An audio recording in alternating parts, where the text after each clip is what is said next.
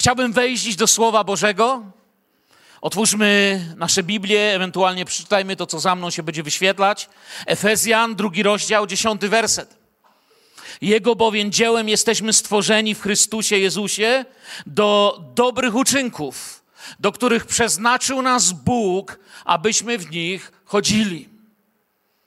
Fajny werset, nie? Podoba się Wam? Fajny werset. Wow. Pisze, po co jesteś. Jeśli w ogóle nie wiesz po co, po to jesteś. I tutaj to jest opis prawdziwego dzieła sztuki. Czegoś, co w absolutnie boskim artyzmie Bóg uczynił z ludzkim życiem. Wiecie, bo to nie jest tak, nieraz to tu mówiliśmy, a dzisiaj to jeszcze raz jako nauczanie z tego miejsca powtarzam. To nie jest tak, że Bóg wziął moje sfatygowane, brudne, grzeszne, czasem spite, czasem sklęte życie, twoje lub moje, i nie wziął go, tego zużytego życia, próbując je odnowić jak jakieś stare buty, stary obraz albo budynek że wziął i tam, wiecie, próbuje jakoś tam wypastować, wyszlifować. Bóg nie jest handlarzem samochodów. Bóg nie cofnął ci licznika i nie wypolerował twarzy. Bóg daje nam całkowicie nowe życie. Zobaczcie, co tutaj ten werset, co naprawdę przeczytaliśmy, czego czasem nie dostrzegani. Jego bowiem, wróćmy, Efezjan 2:10, Jego bowiem dziełem jesteśmy odnowieni ze starego dziadostwa, pomalowani, odświeżeni, zakryci pomadkami, szminkami, pudrem i pastą polerską. Tak? Nie, jesteśmy co? Stwo? Stworzeni. Stworzeni. Pamiętacie z zupełnie innego wykładu, nieraz to tutaj powtarzałem, że kiedy Biblia mówi na początku, że na początku Bóg stworzył, Bereshit, bara, Elohim, to nieraz tu mówiłem o tym słowie bara, chyba z 10 razy to powtarzałem. To słowo bara należy tylko do Boga, oznacza tworzyć i ten czasownik jest jedynym jego desygnatem, czy tym, kogo opisuje jest Bóg.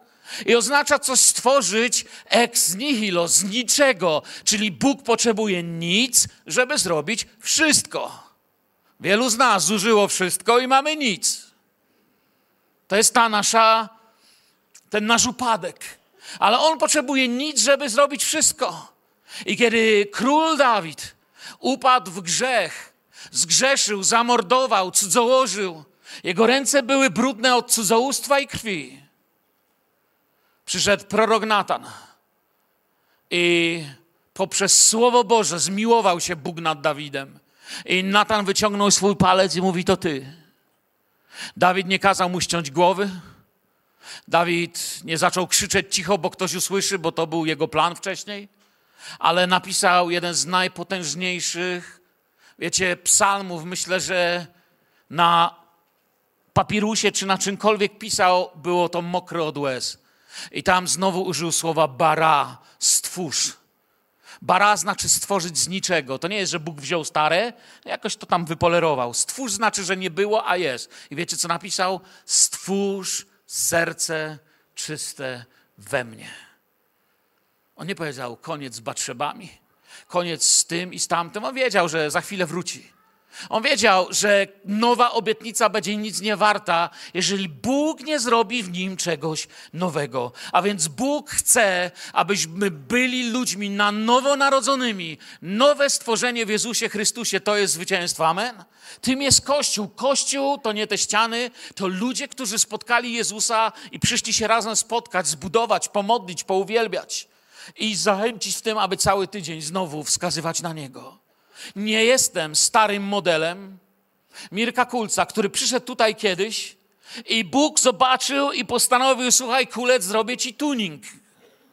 Wiecie, że jest tuning. Jak biorą stare auto i mu dodają takich rzeczy, że wygląda jak wyścigówka. Ale nie jest wyścigówką, jest dalej stare. Ja nie jestem starym modelem, któremu dodano jakieś ulepszenia. Jestem całkowicie nowym stworzeniem w Jezusie Chrystusie. Chwała Jezusowi. Jeśli to dotyczy Ciebie, oddaj chwałę Bogu. A jak nie dotyczy, zastanów się, co zrobić, żeby dotyczyło. Chwała Jezusowi. Bóg nie bierze mnie i nie patrzy i mówi, wiesz co, tu zabrudzone, tu pęknięte, tu się sypie. Mm, jakby tu usunąć, bierze, wiecie, jakieś środki i próbuje to jakoś tak, żeby poukrywać to, co we mnie złe. To by było oszustwo.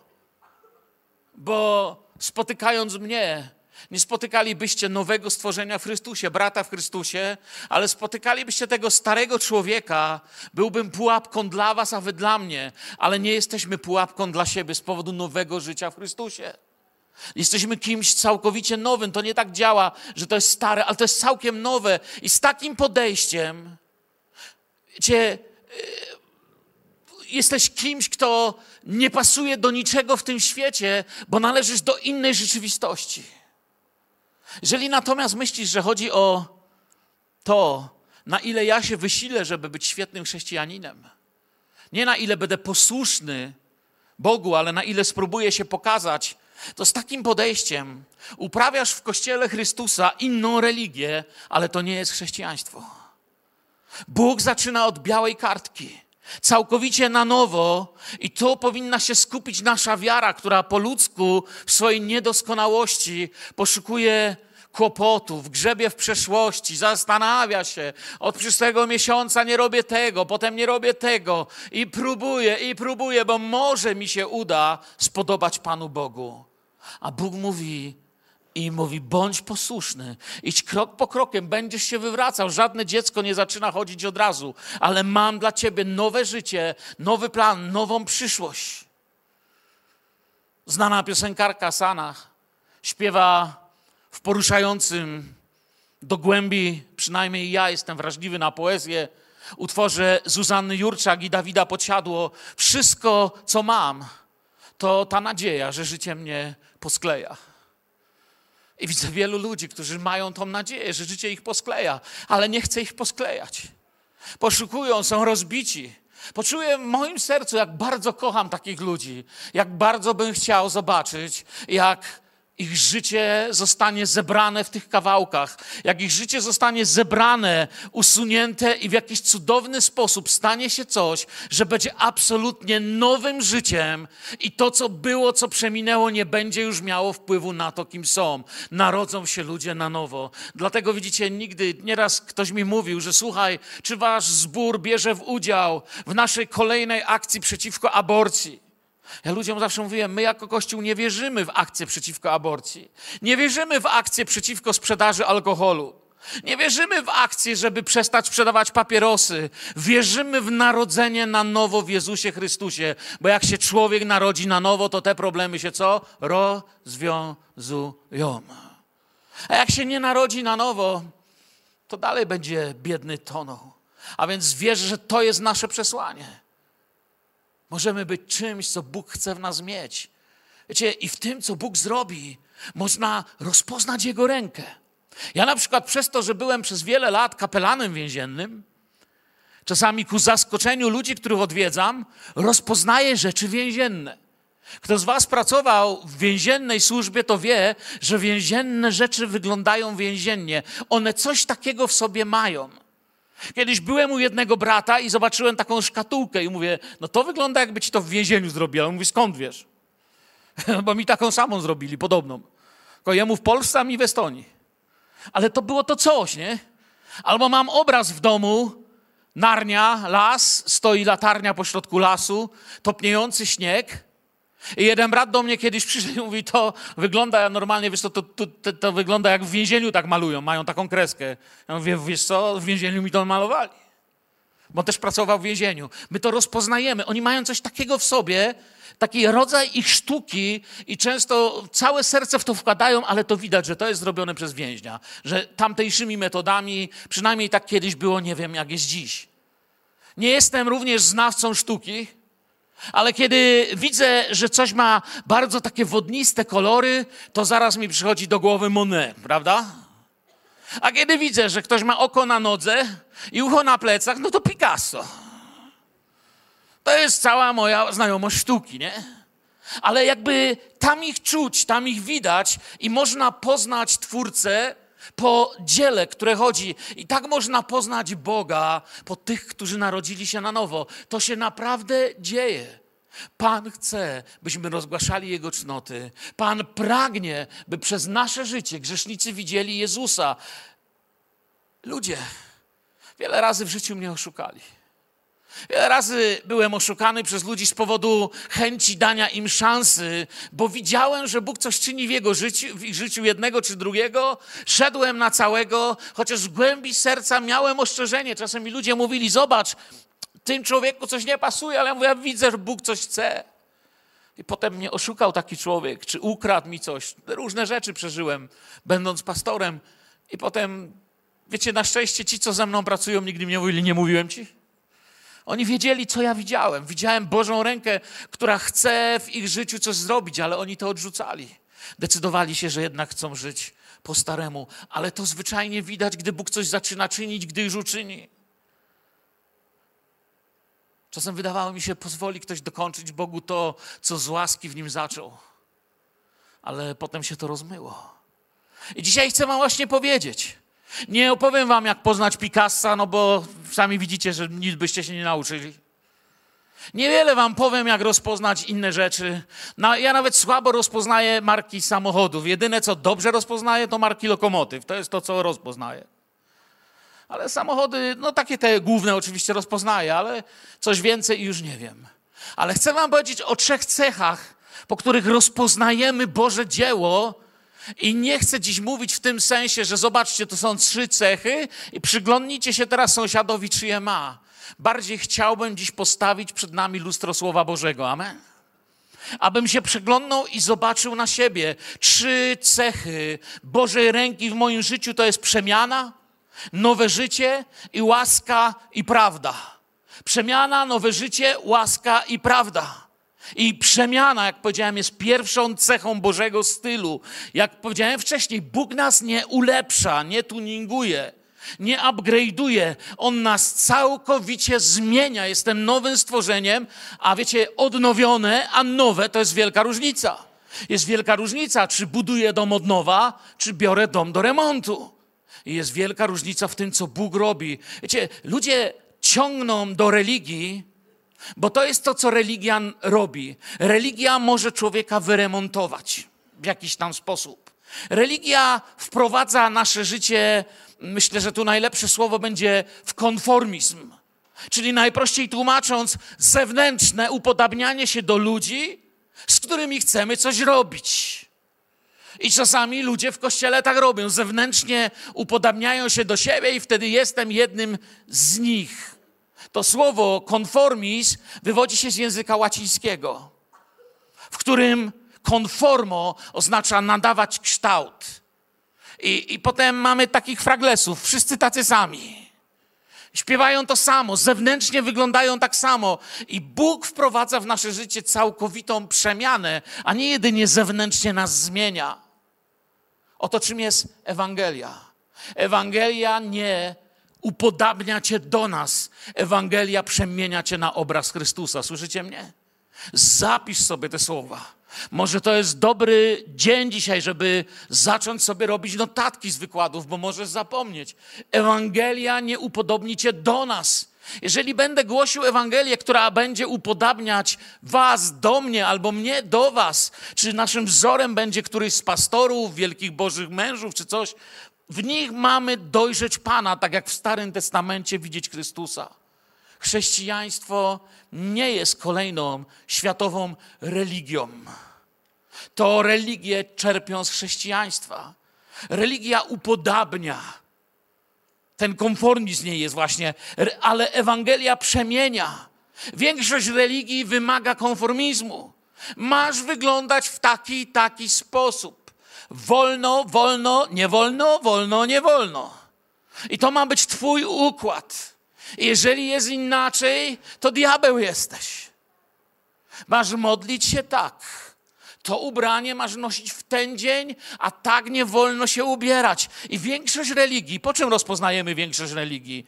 Z daleka poznaje większość religii. Byliście kiedyś na lotnisku międzynarodowym? Bardzo często z daleka potrafię poznać religijnego człowieka po jego wyglądzie. Rozpoznaje, czy ktoś pochodzi z kraju, gdzie jest hinduizm, buddyzm. Niektóre religie oczywiście lepiej, do innych trzeba trochę dłużej, ale większość religii rozpoznaje się z daleka po zewnętrznym wyglądzie ludzi. Chrześcijanina nie rozpoznasz po zewnętrznym wyglądzie. Musisz popatrzeć na jego serce, na jego wnętrze, ponieważ chrześcijanie, gdziekolwiek się ruszysz, wyglądają inaczej. Inaczej wyglądają ci, którzy dzisiaj będą uwielbiać Pana w amazońskiej dżungli, przyjdą w swoich trawiastych przepaskach do misjonarza, do szałasu i będą się uczyć, śpiewać, słyszeć o Jezusie i są kościołem pańskim. Inaczej wyglądają w Ameryce, w Indiach i jeszcze gdzieś tam, czy w Mongolii, czy w Polsce. Chrześcijanina nie rozpoznasz po zewnętrznym wyglądzie z reguły. Musisz popatrzeć na jego serce i wnętrze. Oceniając zewnętrznie, wylądujesz w kościelnym gronie dobrze wyglądających wysiadywaczy ławek ale nigdzie dalej nie ruszysz. Dlatego Bóg nie próbuje przez Ewangelię zmienić naszego zewnętrznego człowieka, tego zewnętrznego wyglądu, ale Bóg zaczyna zmieniać mnie od środka, co prawdziwie wpływa na wszystko, co zewnętrzne. Oczywiście, że nie przyjdę do zboru w stroju kąpielowym czy w bikini. Nie chcielibyście.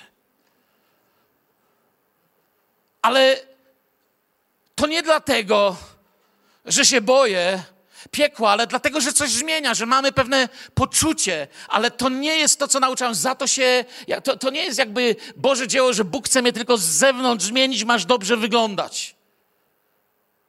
Oczywiście ta zmiana wewnętrzna wpłynie na zewnątrz, ale mówimy o Ewangelii, mówimy o czymś dużo więcej. Drugi list do Koryntian mówi, że nie jesteśmy wyremontowani, ale 5:17 mówi: Tak więc, jeśli ktoś jest w Chrystusie, nowym jest stworzeniem, stare przeminęło, oto wszystko stało się nowe. Jeden z najpotężniejszych wersetów Biblii, a ludzie ciągle przychodzą i mówią: Słuchaj, nie wiem, czy nie jestem przeklęty, bo prababka wróżyła u cyganki. Nie wiem, czy nie jestem przeklęty, bo ojciec pił alkohol. Nie wiem, czy nie jestem taki, siaki, owaki i grzebią w śmietniku, o którym Bóg mówi, odrzuciłem go jak wschód od zachodu słońca, na głębie oceanu. Nie ma tego. A mówi, nie, nie, nie, to jest. Nie ma, jest. I grzebiemy. I tylko buty ze śmietnika sterczą. Cały już tam wlazł. I on przychodzi i mówi, a Bóg mówi, jesteś nowym stworzeniem, stare przeminęło. Ja ciebie nie wyremontowałem, ja dałem ci nowe życie. Drugi Koryntian 3, 17, 18 mówi, a Pan jest duchem. Gdzieżach duch pański, tam spadają wszystkie kajdany, które nie pozwoliłyby ci upodabniać się do Chrystusa, czyli tam wolność. Bo czasami ten werset bywa używany do dziwnych celów. Przykład ktoś staje do góry nogami za kazalnicą i mówi, gdzie duch pański, tam wolność. No dobrze, że nie ma nadciśnienia. Ale to jest coś głębiej. Gdzie duch pański, tam wolność. My wszyscy wtedy z odsłoniętym obliczem, to mówi, gdzie idziemy, oglądając jak w zwierciadle chwałę Pana, zostajemy przemienieni w ten sam obraz z chwały w chwałę, jak to sprawia Pan, który jest duchem. I tu mamy to słowo, które ci z Was, którzy lubią na przykład biologię, bardzo dobrze znają. Tu mamy słowo metamorfao, czyli metamorfoza. Znamy to słowo. Najlepszymi nauczycielami tego słowa greckiego są motyle. Motyl jest mistrzem metamorfozy. Ka uczą każdego, kto się chce uczyć na temat chrześcijaństwa. Bo powiem tak, nie ma nic straszniejszego dla rośliny niż zjadająca liście gąsienica. Ale potem nagle mamy gąsienicę, ona chrup, chrup, chrup, zjada liście, niszczy krzew, ale potem nagle znika. Znika z towarzystwa, nie ma jej, nie ma jej i pojawia się. Ale to już jest ktoś zupełnie inny. Tak było ze mną. Byłem gąsienica, która była jak szkodnik, robiłem chrup, chrup, chrup. Potem zniknąłem ludziom z radarów, a kiedy się pojawiłem, to mój kolega powiedział: Ty albo zwariowałeś, albo w tym coś jest. Bo przyszedł do mnie i przepraszał, że nie przyniósł pół litra. Ja mówię: Nie trzeba. A mówi: Nie trzeba. A co się porobiło? No mówię: Chodź, zobaczysz. To, to nie ty. Pamiętam, jak się jeden z naszych braci jeszcze w Estonii nawrócił. Sergiej, pamiętam jak jego żona powiedziała, wiecie, to, to nie jest Sergiej. Ja mówiłem, co masz na myśli? No, no z zewnątrz, no niby Sergiej mówi, ale tam w środku mówi, no w ogóle go tam nie ma, nie wiem gdzie go podzialiście, ale tam w środku to nie on. I to było dobre. Gdzie namiot niby ten sam, ale mieszkaniec był już kimś zupełnie innym.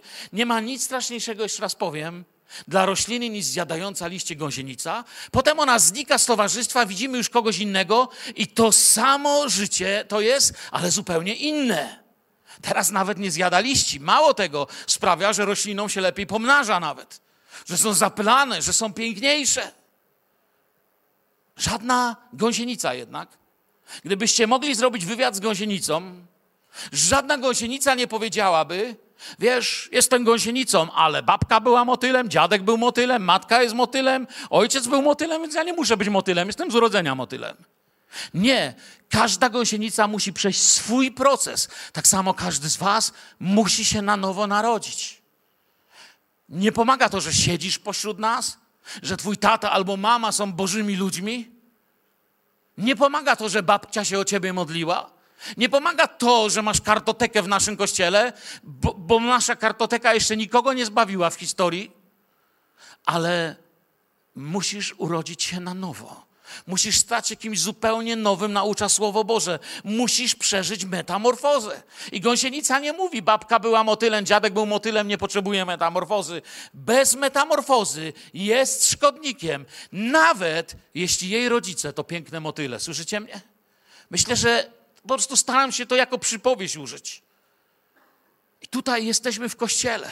Co jest szczególnego, jeśli chodzi o Filadelfię? Co jest szczególnego, jeśli chodzi o Kościół? To, co jest czymś szczególnym, to nie jest ten kosztujący wiele pracy budynek. Oczywiście wkładamy w niego serce, dbamy o niego, jest naszym miejscem, z którego się cieszymy, przyjemnie nam tu ciepło, wygodnie, wiele aktywności się tu dzieje. Ale Kościół to coś dużo głębiej duchowo. Kościół jest, powiedziałbym w tym przypowieści mojej, jak taki kokon. To nie chodzi o ten budynek czy naszą organizację, bo z tego jeszcze nic nie ma. Tu rodzą się z ducha uczniowie, naśladowcy Jezusa, którzy stąd wychodzą, idą dalej to głosić, przyprowadzają tych, którzy pragną posłuchać. To tutaj jest to miejsce, gdzie z gąsienicy dzieje się poczwarka, z poczwarki motyl. Czasami nie cały czas tutaj, ale tutaj jest ten zapłon. Tutaj iskrzy to życie pośród nas, gdzie spotykamy, modlimy. Czasami o kogoś, kto jest daleko, ale dzieje się pośród nas Boże rzeczy. Tu rodzą się z ducha uczniowie, naśladowcy Jezusa. Tu mamy klimat, aby to się stało, bez względu na to, czy jesteśmy, czy nie w tym budynku. Filadelfia, czy ten budynek, teraz powiem, nie jest jakimś miejscem najświętszym. To nie jest jakieś miejsce święte, gdzie będę całował teraz tą wykładzinę, bo tyle się tu stało. To narzędzie. Tu gąsienica zmienia się w poczwarkę, a świat ogląda motyle. Tu przemienia nas Boże Słowo, tylko wtedy ma to sens. Motyl, który ogłasza światu, że każda gąsienica jest zła, bo nie ma skrzydeł. Oczywiście zapomniał wszystko, co się stało. My nie spotykamy się tu po to, aby sobie powiedzieć, wiecie, jak chcemy, my jesteśmy fajni, nie? A tamci to wszystko pijaństwo, pijacy, łobuzy. Koniec świata zapowiedzmy im. Najlepiej stańmy z tablicami, idziesz do piekła, koniec świata bliski. To świata nie zmienia. Musisz się narodzić na nowo. Nie musisz się wystraszyć. Nie musisz przebrać się. Musisz się narodzić na nowo. Bez tego udawanie chrześcijanina jest tak jakby próbą przyszycia skrzydeł gąsienicy. Wyobraźcie sobie gąsienicę, której ktoś przyszywa motyle skrzydła. Po pierwsze trzeba zamordować motyle, po drugie zranić gąsienicę, a po trzecie to jest zwyczajnym monstrum. I takim monstrum miksem śmiercionośnym jest stary człowiek, żyjący w starych porządliwościach, starym gniewie, starych nałogach, złodziejstwie, cudzołóstwie, przyzwyczajeniach, wszystkich owocach cielesności, przywdziewający religijną szatę i udający, że on coś wie. My potrzebujemy cudu. Oto zrozumienie Kościoła, wchodzimy w ten proces, pozwalamy, żeby działa się nad nami Boża rzecz, Boży cud. Bóg nas przemienia. Bóg nas przemienia. Dlatego nieraz powtarzam, my nie chodzimy do Kościoła, ale co? Jesteśmy Kościołem. To nie jest zwyczajne chodzenie. To czasem nie jest zwyczajne opuszczenie nabożeństwa, bo to nie to, że ty opuszczasz i tu cię obecność, ktoś ci ptaka nie postawi. Ty nie opuściłeś bycia w budynku, opuściłeś bycia w tym, gdy zabrały się dzieci Boże, a Pan chce coś zrobić w Twoim życiu.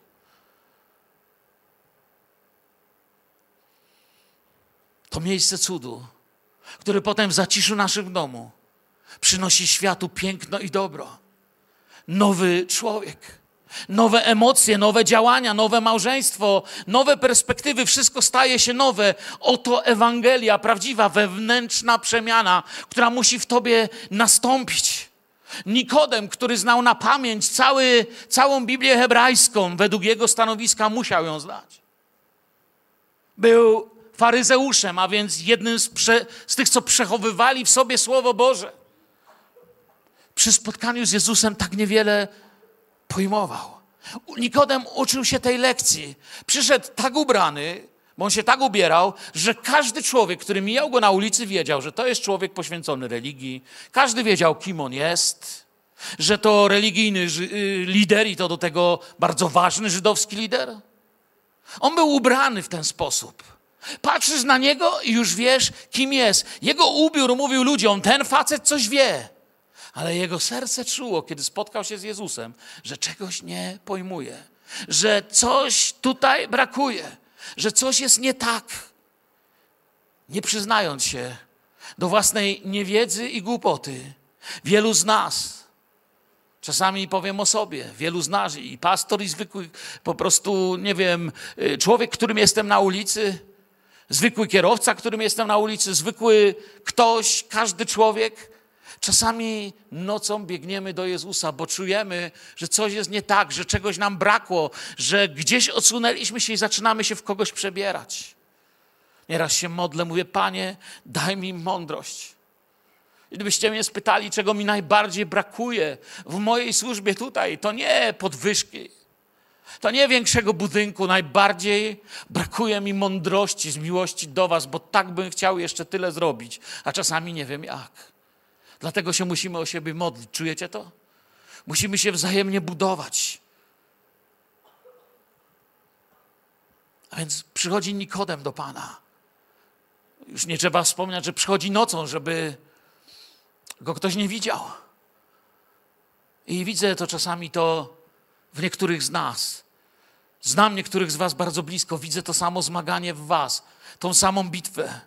Przychodzicie tutaj Wychodzicie z tym samym dylematem i czasami czuję go w was, kiedy rozmawiamy. Czy mam powiedzieć mojej zgubionej rodzinie, co się w moim życiu stało, czy nie mówić? Czy mam powiedzieć mojemu zgubionemu chłopakowi, kim naprawdę jestem i że nie mogę iść jego drogą? Czy mam powiedzieć mojej zgubionej dziewczynie, kim naprawdę jestem? Czy mam powiedzieć koleżance w pracy, koledze, co się naprawdę stało w moim życiu? Czy lepiej się nie odzywać, bo nie wiadomo, jak ludzie zareagują? Czy mam to powiedzieć mamie, tacie, współpracownikom? Czy mam powiedzieć, że idę inną drogą i jestem kimś całkowicie już innym? Czy lepiej siedzieć cicho? Odpowiem tak. Jeżeli zastanawiasz się, czy masz powiedzieć bliskim ci ludziom, to wcale się nie obrażę. Jeżeli nawet teraz wyciągniecie telefony i napisz im SMS-a, że jesteś nowym stworzeniem w Chrystusie. Jak chcesz to napisać, wyciągaj teraz telefon, nikt ci nic nie powie i pisz. Tak bardzo trzeba to zrobić. Tak bardzo trzeba skazywać światu. Bóg daje to. To nie jest to, że jestem fajnym człowiekiem, ale mam to przez Boga. W tym momencie Nikodem, kiedy przychodzi do Pana Jezusa, nie zna Jezusa. Zna go jedynie, wiecie, jako tego dobrego nauczyciela, nie? Niektórzy z nas są w tym miejscu. Podobają nam się kazania, e, chrześcijańskie książki. Już prawie spuchnęliśmy od tych kazań. Jesteśmy więksi, bo już nie ma ich gdzie mieścić, tych kazań. Podoba się nam słuchać. Jak Nikodem widzimy, no i wielki nauczyciel, fajne w ogóle te, te rzeczy. Ale pomimo słuchania tysięcy kazań i konferencji, od lat nie zmieniamy się. Od lat ze smutkiem nasze dzieci, żony, mężowie, bliscy czy rodzice patrzą i nie widzą w nas żadnej przemiany, bo właśnie tego dialogu z Jezusem nam brakuje, tej tej, tej, tego, tej Bożej prawdy. Musisz się urodzić na nowo. Zobaczcie na język, którym mówi Nikodem. A był człowiek, zobaczmy na Ewangelię Jana. a był człowiek z faryzeuszów imieniem Nikodem, dostojnik żydowski. Ten przyszedł do Jezusa w nocy i rzekł mu, co on mówi do Pana? Mistrzu, to jest to, co widzi, nauczycielu, mistrzu, tak? Wiemy, że przyszedłeś od Boga, to też widzi, ale jako kto? Nauczyciel. On nie widzi jeszcze Mesjasza, Zbawiciela. Nikt bowiem takich cudów czynić by nie mógł, jakie ty czynisz, jeśli by Bóg nie był z nim. A więc tu jest jasne dla niego. Odpowiadając, Jezus rzekł mu, Zobaczcie, Jezus jakby nie w temacie mu odpowiada. Zaprawdę, zaprawdę powiadam ci, jeśli się kto nie narodzi na nowo, nie może ujrzeć Królestwa Bożego. Te dwa wersety mi pokazują, że jakby Jezus bez słów daje mu znać, możesz jeszcze wymieniać sobie o mnie, co chcesz. Wspaniały w ogóle nauczyciel, mistrz, super kazania i cuda, i rybki, i chlebki. Jezus, słuchaj, chłopie, jeśli się nie urodzisz na nowo, to ty nie zobaczysz, czym jest Królestwo Boże. Będziesz jedynie tym, który lata za cudami i naukami, ale nie będziesz się przemieniał. Jezus przechodzi do, tu naj, do najważniejszej sprawy. Jeśli chcesz przemiany, transformacji, metamorfozy zamiast konformizmu, zamiast bycia przebierańcem, innymi słowami, jeśli chcesz być chrześcijaninem, zamiast przebierać się za chrześcijanina, musisz narodzić się na nowo.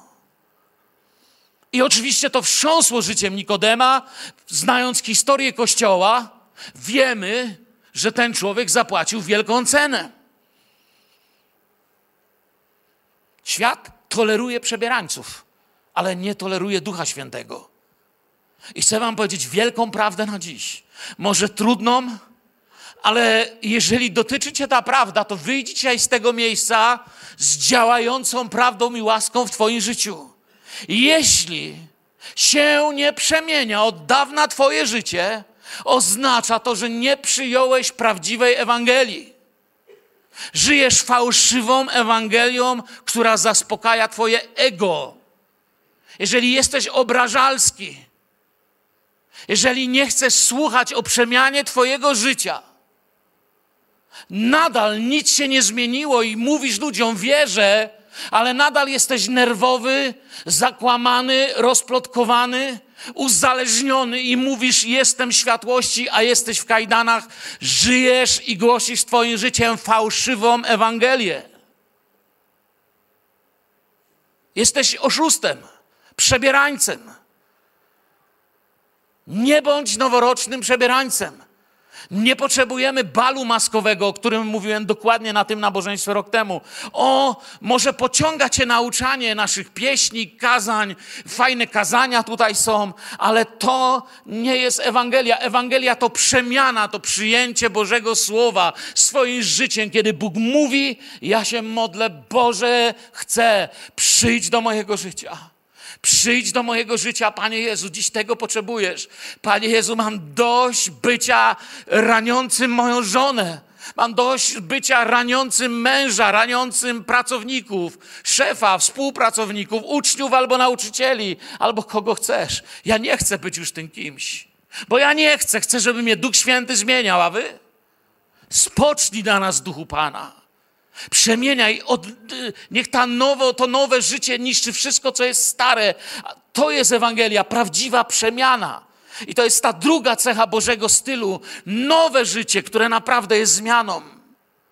Po pięknym wstępie Nikodem dostaje odpowiedź. Ty nie widzisz Królestwa Bożego. I jeśli narodzisz się na nowo, to go nie zobaczysz. Musisz się na nowo narodzić. I Nikodem zaczyna kombinować. Słucham? Co mam zrobić? Mam wejść do łona matki?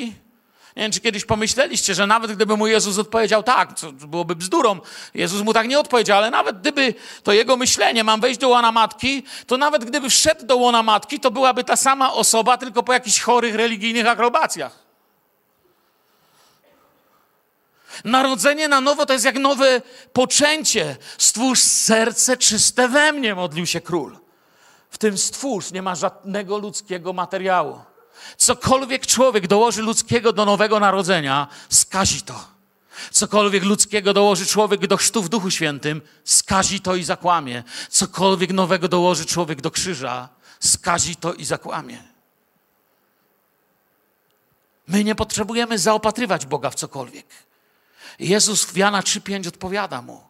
Zaprawdę, zaprawdę powiadam ci, jeśli się kto nie narodzi z wody i z ducha, nie może wejść do Królestwa Bożego. Z wody to chrzest, który wobec całego duchowego i fizycznego świata pokazuje naszą śmierć dla siebie. Jest tym, co zewnętrzne, co pokazuje wewnętrzny, potężne Boże dzieło, Boży cud. Nie stałem się jakimś mokrym grzesznikiem. Jestem nowym stworzeniem. To jest coś głębiej niż wszedł i wyszedł do, z wody. To jest wejście w śmierć i zmartwychwstanie Chrystusa. To jest coś, coś dużo głębiej. Z ducha to prawda o nowej naturze i obecności Bożego życia. Zacząłem odbierać, nie wiem, to jest tak jak kupujesz nowy telefon i dają ci aparat, wkładają kartę i pani ci mówi, do 24 godzin pojawi się sygnał. Idziesz do domu, nie ma sygnału, niesiesz drogi kawał plastyku, za który zapłaciłeś, który nie ma żadnej wartości ale w pewnym momencie kładziesz go w domu na stole i słyszysz, może jesteś w kuchni, wyszedłeś, ale słyszysz spokoju, pik, pik, pik, pik. I witające SMS-y przychodzą. I myślisz sobie, ożył. Nie widać, a ożył. I to jest to, co się dzieje.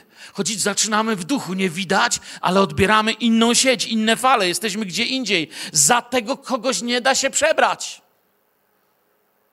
To trzeba się urodzić. Nie da się przebrać za chrześcijanina. Bóg kocha mnie i ciebie. I przyszedł z tą wiadomością dla nas. To jest prawdziwa Ewangelia.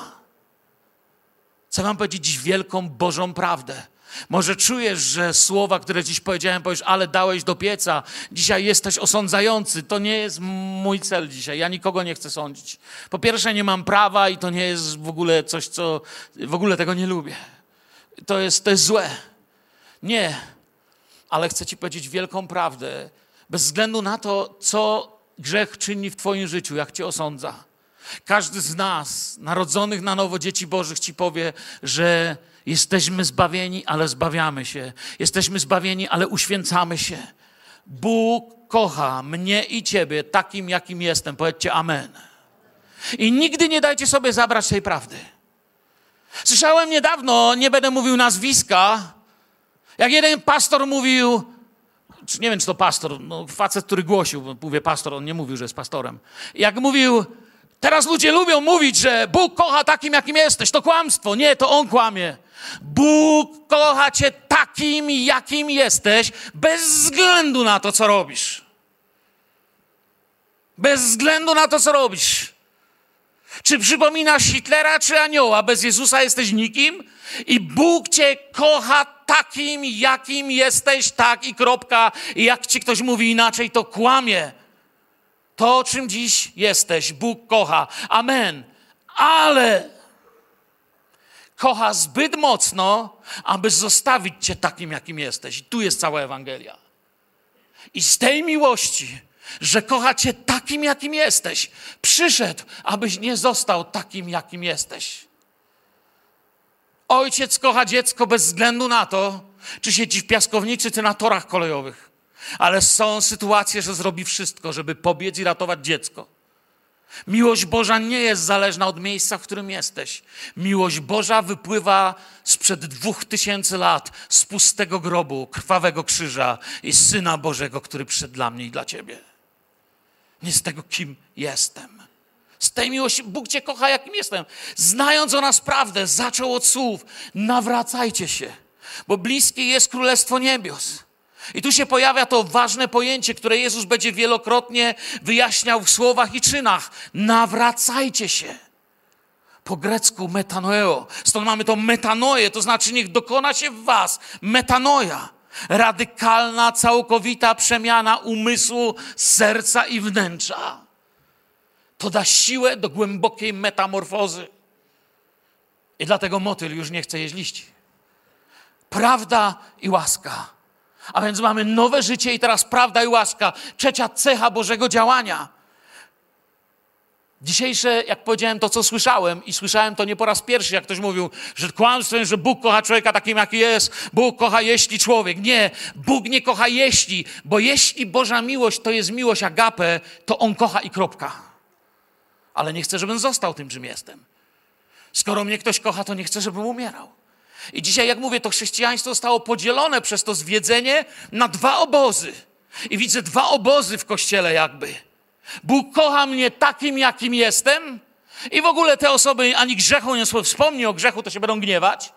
Albo Bóg kocha mnie tylko wtedy, jeśli. Wiecie, gdzie jest zwiedzenie tutaj? Zwiedzenie polega na tym, że to jest jedna Ewangelia rozerwana na pół przez egoistów i jedni sobie wzięli tą połówkę, a drudzy tą. A prawda jest taka, że Bóg kocha mnie taki, jakim jestem, ale muszę narodzić się na nowo. Muszę coś zrobić z moim życiem. I przesłanie tych ludzi jest takie, jedni mówią, a to taka łaska, łaska. Cukierkowe, tanie chrześcijaństwo, tylko łaska, łaska, łaska. Sami zapomnieli, że właśnie przez łaska, łaska, łaska oni też się nawrócili. Bóg na nich czekał. Drugie przesłanie to jest: idziesz do piekła, wszyscy jesteście grzesznikami, koniec świata idzie. Tylko ten ktoś, kto to krzyczy, zapomniał, że jemu Bóg okazał łaskę.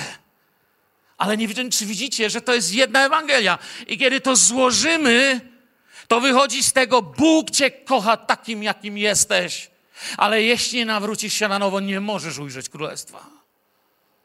To jest jedno rozerwane. Żadna z tych dwóch podróbek Ewangelii nie jest prawdą. Prawdą są tylko razem. Jana 1,14 mówi, a słowo ciałem się stało i zamieszkało wśród nas. Uważajcie, co czytam. Nie czytajcie automatycznie. A słowo ciałem się stało i zamieszkało wśród nas. I ujrzeliśmy chwałę Jego. Chwałę, jaką ma jedyny syn Ojca. Pełne łaski, widzicie jedną część? I niektórzy za to wyrwali, tylko to mają. I prawdy. Sama łaska to oszustwo. Sama prawda to można nawet zabić człowieka. Ale łaska połączona z prawdą to Ewangelia Syna Bożego Jezusa Chrystusa. To jest pełnia. Tu nie mamy tylko łaski i nie mamy tylko prawdy. Mamy pełnię łaski i prawdy. Kocham Cię, Mirek Kulec, tak jakim jestem, mówi Boże, jesteś, Boże serce. Ale dodaje, nie zostawię Cię, jakim jesteś. Przyjdę do Ciebie. I był dzień, że uklękłem On przyszedł i dał mi nowe życie w Chrystusie. Łaska pociąga do wolności. Prawda uwalnia nas. Prawdziwy, wolny człowiek to jest człowiek, którego sąd osądza prawdą, ale obdarowywuje łaską. To prawda, że ukradłeś, ale my wierzymy, że już nie ukradniesz i wypuszczamy cię na wolność. Można ułaskawić człowieka. Mnie ułaskawił kiedyś facet, który mnie złapał, jak kradłem mu kukurydzę. Fakt, że mnie zlał tym wędzidłem od konia. Za naszymi blokami, za torami. Dostaliśmy z kolegą wędziłem i uwierzcie, nie szliśmy do taty się skarżyć, bo byśmy drugi raz dostali. Ale nas puścił, bo najpierw powiedział, że idzie policję wezwać, bośmy mu zdeptali tą kukurydzę. Ale potem nas puścił. Nie wiem, czy mógł na to policję wezwać, czy nie. Myśmy byli przekonani, że może i że kara śmierci za to jest. Tak się gniewał. Ale dał nam łaskę. Kiedyś, kiedy chodziłem do drugiej klasy, złapali mnie, ukradłem w Super Samie na Michałowicza szklankę i herbatniki. Facet mnie wziął, taki w fartuchu, pan kierownik, zaprowadził do tyłu. Ja wam to kiedyś opowiadałem, tylko nie pamiętam, czy na nabożeństwie, na grupie. I tam, wiecie, było takie zejście chyba do jakiejś siłowni. Tam były takie szare drzwi z takimi kratami. I on się pyta, wiesz, co tam jest za tymi kratami? A ja mówię, nie, nie wiem. Tam jest taka izba, gdzie trzymamy na specjalnych uchwytach, takich, których bijemy, co złapaliśmy. I policja tu przyjeżdża i tam cię przywiążemy i prawdopodobnie jutro, pojutrze cię puścimy. Ja sobie wyobraziłem te kazamaty tam, wiecie. Wyobraziłem sobie takie chyba deski, jak złodzieje, wiecie, takie ręce. I on mówi, tam takich trzymamy jak ty. Ja zacząłem płakać. Obszukał mnie, znalazł te herbatniki, zabrał, ale tej szklanki nie mógł znaleźć. Ja nie wiem, gdzie ta szklanka się podziała. Taka z samochodem, wiecie, ja nie wiem w ogóle, co mi odbiło wtedy. Nie znalazł tej szklanki, mówi, ale słuchaj, wyglądasz na uczciwego człowieka. Znam twojego tatę. Jak to powiedział, to nie brzmiało dla mnie jak łaska, jak wyrok. Znam twojego tatę. Idź do domu. Jeżeli ty powiesz tacie, co zrobiłeś, to ja mu nie powiem. Ja uwierzyłem, że jak powiem, to on jakoś będzie wiedział, że powiedziałem. Poszedłem do domu, znaczy do babci, tata przyjechał po mnie do babci.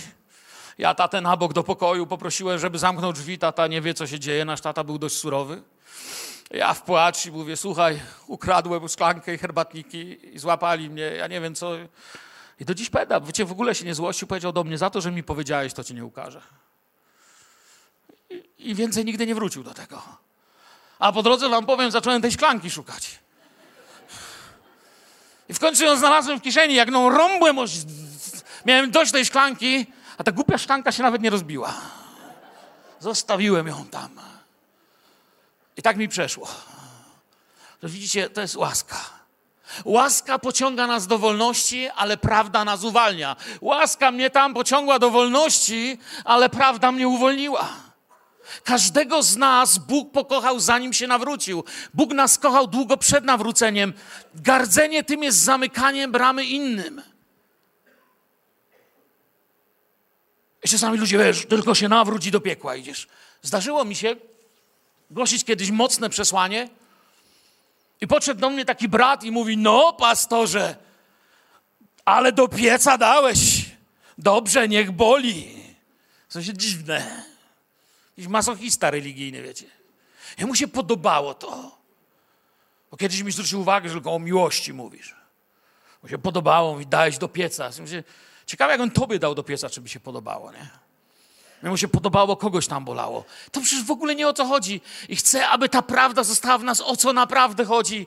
Jeśli się nie zmieniasz, jeśli się nie zmieniasz i nie widzisz zmiany w Twoim życiu, to możliwe, że nie poznałeś łaski i Boga.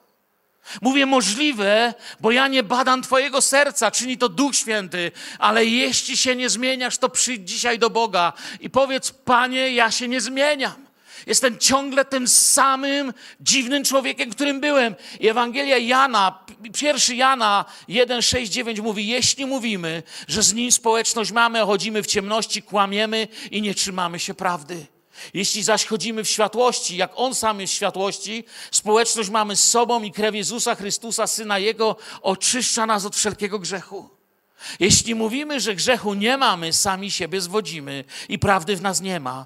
Jeśli wyznajemy grzechy swoje, wierny jest Bóg i sprawiedliwy i odpuści nam grzechy i oczyści nas od wszelkiej nieprawości. Czytajmy słowo. Światłość ożywia Kościół i wolność w życiu człowieka. Słowo Boże to daje. Jeśli mówimy, a żyjemy inaczej, kłamiemy, mówi.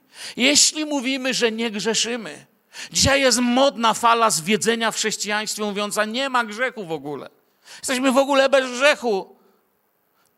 To tak jakby mówić, że to, co robię, jest Bogu obojętne. Już w tamtych czasach ludzie byli tacy, których interesowało, wiecie, ci, co najczęściej lubią tą doktrynę, że nie ma grzechu, jesteśmy bez grzechu, uwielbiają latać za cudami. Uwierzcie mi, każdy z nich to miał, kogo spotkałem. Kiedyś do mnie jeden przyszedł, na szczęście nie z naszego zboru.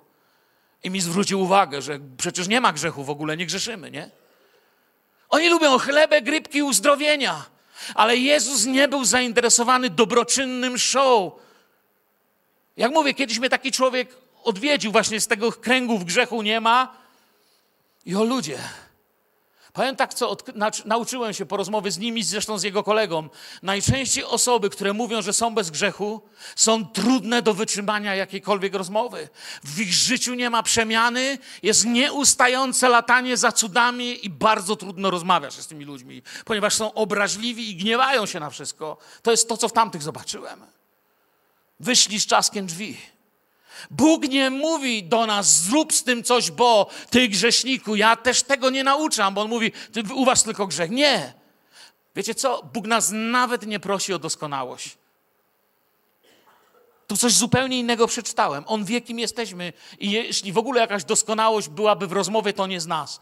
Boży standard dla nas jest nie w grzecznym zachowaniu, ale w chodzeniu w świetle słowa. To, co Bóg mówi, chodź w świetle słowa. Będziesz wtedy bez grzechu. Jak?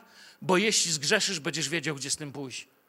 I Bóg mówi, to nie chodzi o to, żebyś wmawiał ludziom doskonałość, ale powiedz im tak, jeśli się mylę, to idę do Boga, choćby piętnasty raz mówię, Panie, ja wiem, że znów zgrzeszyłem, znów się pogniewałem, znów to coś zrobiłem. Wybacz mi, Panie, daruj mi. I, I, każdy z nas ma takie sprawy. To nie jest miejsce, w którym zamalujemy to, to jakąś farbą religijną i powiemy nie ma, bo jest. Ale wiem, co z tym zrobić. To miejsce, gdzie mówię Bogu, tu potrzebny jest ślad Twojej dłoni. Tu sobie nie radzę, tu jest mój grzech. Panie, nie zostawię tego pod przykrywką. Proszę, zmieniaj mnie nadal. To otwarcie się na łaskę i prawdę. Teraz grzech jest dla nas uciążliwy.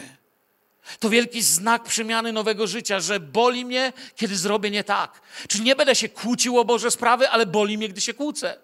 Nie będę się gniewał, bo mnie boli, gdy się gniewam. Jak to się dzieje? Pierwszy Jana 5,3. Na tym bowiem polega miłość ku Bogu, że się przestrzega przykazań Jego, a przykazania Jego nie są jakie? Uciążliwe. Dlaczego nie są uciążliwe? Bo ja już nie zmuszam się, ja już tego nie chcę. To jest to miejsce, kiedy grzesznik przychodzi i mówi: Boże, ja tego nie chcę. To niszczy moje dzieci, moją żonę, mojego męża, moich bliskich. Nie chcę tego. Chcę żyć drogą Twojego słowa, Twoich przykazań. Nie są uciążliwe. Nie jestem jedynie posłuszny.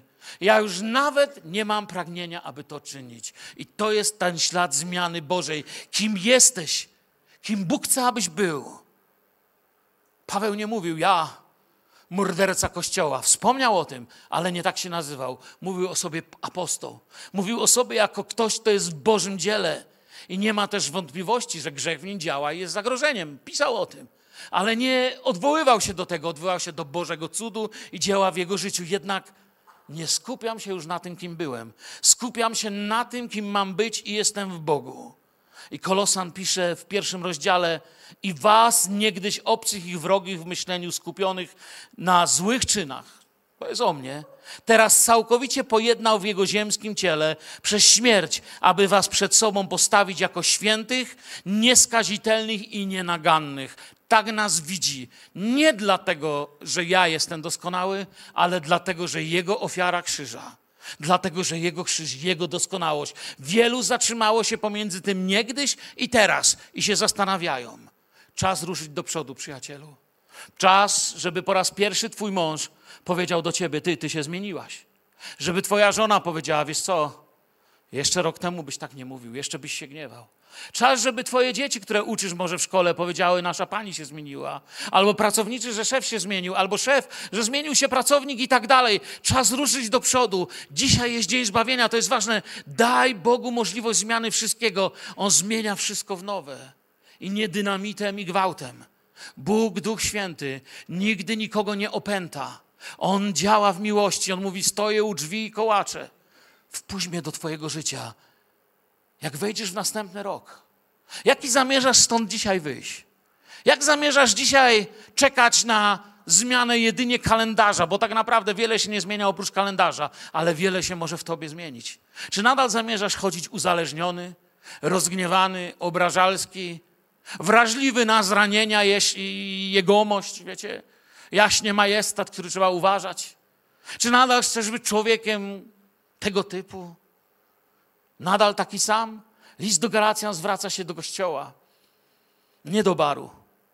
My jesteśmy kościołem, Bóg tłumaczy nam, jakie są uczynki ciała. I mówi, że wyraźne są uczynki ciała. Mianowicie w Galacjan 5,19 mamy, nie? Nierząd, nieczystość, rozpusta, bałwochwalstwo, czary, nieprzyjaźnie, spór, zazdrość, wybuchy gniewu, samolustwo, poróżnienia, odstępstwo, zawiść, zabójstwa, pijaństwa i tak dalej, hulanki. Kto z nas tego nie doświadczał? Kto z nas mówi, a ja nie wiem o co chodzi? Ale zamiast tego możemy przynosić owoce Ducha Świętego. Bóg daje w nas nowe życie i to przestaje być naszym pragnieniem. I jeśli się stanie, to natychmiast biegniemy do Pana. I to już nie jest nasza doskonałość, to Jego owoce. Nie jest ja, ale przynoszę owoc czegoś życia, które się dzieje we mnie. Owocem zaś ducha są miłość, radość, pokój, cierpliwość, uprzejmość, dobroć, wielność, łagodność. Znamy to. Wstrzemięźliwość. Przeciwko takim nie ma zakonu są nie tylko owocem, ale tym, czego sami wyprodukować nie możemy. Już nie jestem tym, czym byłem. Zaczynają się pojawiać nowe rzeczy. Niektóre widzę w Was. Przepięknie widzę jest w Was. Z niektórymi z Was rozmawiam, jestem zaskoczony. Pamiętam nasze spotkanie sprzed lat, pamiętam nasze spotkanie nawet rok temu z niektórymi z Was. Modliłem się, a dzisiaj patrzę i widzę Boże życie. I tak dziękuję za Was Bogu. I życzę tym z Was, którzy się zmagają. Musisz narodzić się na nowo. Musisz mieć relację z żywym Bogiem. I zaczną się pojawiać nowe rzeczy. Kościół nie naucza prawa. Kościół naucza o owocach Ducha Świętego. I Bóg ci da to, czego pragniesz. Bóg ci nie da to, czego pragniesz ty, ale zmieni twoje pragnienia i da ci to, czego pragniesz z Jego pragnień. Abyśmy byli Bożym ludem. To nie jest tak, że mówię po nabożeństwie, dziś wychodzę, w porządku było kazanie, mówię sobie tak, od dziś będę inny, już dość siebie oszukiwałem. Powodzenia, jak tak planujesz, coś ci powiem, za miesiąc zapomnisz o tym. Nie, oddaję to Jemu z miłością, poddaję się Słowu i prowadzeniu Ducha. Niech moje pragnienie płonie ze mnie. Nie chodzi o kolejne liturgię u nas. Pięć pieśni, kazanie, pieśń, kolekta do domu. Panie, chcę Cię spotkać. Raczej budowa miejsca i czasu na chwałę z Bogiem. Taką chwilę, która przemienia. I staniemy się świadectwem dla świata. I ludzie zaczną mówić o Filadelfii. Powiedzą, słyszałeś, ten brat się obraził, a ktoś powie, nie, nie, on jest w Filadelfii, oni się nie obrażają. Oni coś takiego mają, że tego nie robią. Albo ktoś powie, wiesz, chodzą głosy pośród nas. Nie, nie, to nie może być tu, bo tu nie chodzą głosy. Tu się o siebie modli, się siebie kocha i szanuje. Co ty, u nich tak nie robią. Podobno ktoś w Filadelfii zrobił, a ktoś powie, nie, nie, nie mów. Co, u nich się o to modlą. Jak wiesz, co zrobił, to powiedz to, idź z nim się pomodlić. Bo nabożeństwo nas nie zmienia. Nabożeństwo cię nigdy nie zmieni. Ale wiesz, co cię zmieni? Na nabożeństwo cię nie zmieni, ale na nabożeństwie możesz poczuć, że chcesz się zmienić. Zmieni cię Bóg. O ludzie, jeszcze mógłbym tutaj godzinę stać. I tak już pojechałem. Już nawet muzycy wychodzą. On to tak ładnie zrobił. Chwała Bogu. Chciałbym się z wami pomodlić musisz narodzić się na nowo. Chciałbym, aby każdy z Was, kto widzi, że naprawdę zmaga się z przemianą swojego życia, wyszedł do przodu po modlitwę, podejdzie do Was ludzie, którzy u nas się modlą o innych. I nikt Was nie będzie pytał, o co chodzi. To jest między Tobą i Bogiem. Nikt nie będzie cię dopytywał, a co, a jak. Ci, którzy podejdą się z Tobą pomodlić, mają jedno pragnienie. Powiedzieć, Panie, błogosław go, niech między nimi Tobą rozegra się cud. My chcemy Cię wspierać modlitewnie, a nie osądzać. Jeżeli czujesz, że gdzieś dzisiaj coś dotykasz, no, no to się nie zmienia, chciałbyś to zmienić. Rzeczywiście, jak masz pragnienie, możesz powiedzieć osobie, która się będzie o Ciebie modlić. Ale kiedy teraz zespół będzie grał pieśń do modlitwy, chodź tu do przodu, proszę. Przyjdź, nie czekaj. Nie wychodź z tego miejsca, taki jak jesteś. Poproś Pana Boga, by włożył w Ciebie głębokie, głębokie pragnienie. Dokonał cudu, czegoś całkowicie nowego, pochodzącego z nieba. Czekamy na Ciebie. Chodź do nas, zapraszam zespół.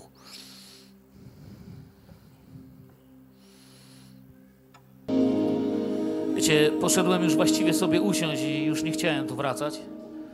Ale kiedy tam stanąłem i zacząłem się modlić, podniosłem ręce i Duch Święty mnie dotknął i taką, takie, takie poczułem pragnienie modlitwy o kogoś z was, którzy słuchacie lub będziecie lub oglądacie to nabożeństwo, że tutaj myśmy się pomodlili o siebie, a ty gdzieś tam jesteś, może sam, może za granicą, może w innym mieście, może w ciszy swojego domu i siedzisz, patrzysz, a może już nawet nie wierzysz w to, co tu się dzieje, bo jesteś tak zbity, zniechęcony przez życie swoimi upadkami. I czuję teraz, aby zachęcić Filadelfię i Kościół.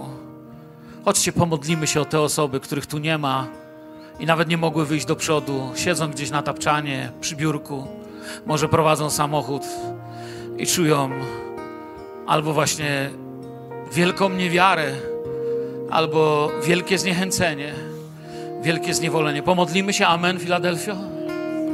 Panie Jezu, choć jestem daleko od tego miejsca, modlę się teraz do Ciebie. Ojcze, nie poradzę sobie z tym, co się dzieje w moim życiu. Podnieś moje życie i napełnij Twoim życiem. Podnieś moje życie i opróżnij z wszelkiej śmierci, z wszelkiego grzechu, z wszelkiego upadku. Włóż we mnie pragnienie nowego.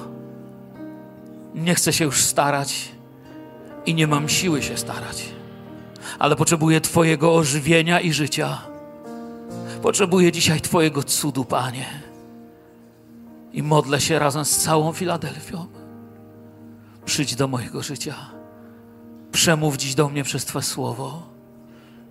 Panie, wyznaję Ci, że tyle razy upadłem, czy upadłam. Panie, wyznaję Ci, że nawet ja się już zmęczyłam, czy zmęczyłem wyznawaniem tego, co się dzieje. Ale znowu rozpal moją wiarę na nowo i daj mi nowe życie. Odnów mnie i wlej we mnie chcenie, wykonanie, pragnienie. Chcę iść za Tobą i rzucam wyzwanie temu, co mnie zniewala. Jeśli to jest w domu, chcę to wyrzucić. Jeśli jest we mnie, chcę przestać tego słuchać. Ogłaszam, że Jezus Chrystus w mocy krzyża, pustego grobu, Jego zmartwychwstania jest Panem nad tym, co mnie zatrzymywało. W imię Jezusa przychodzę dziś po odnowę. Tak i amen. I oddajmy chwałę Jezusowi. Amen.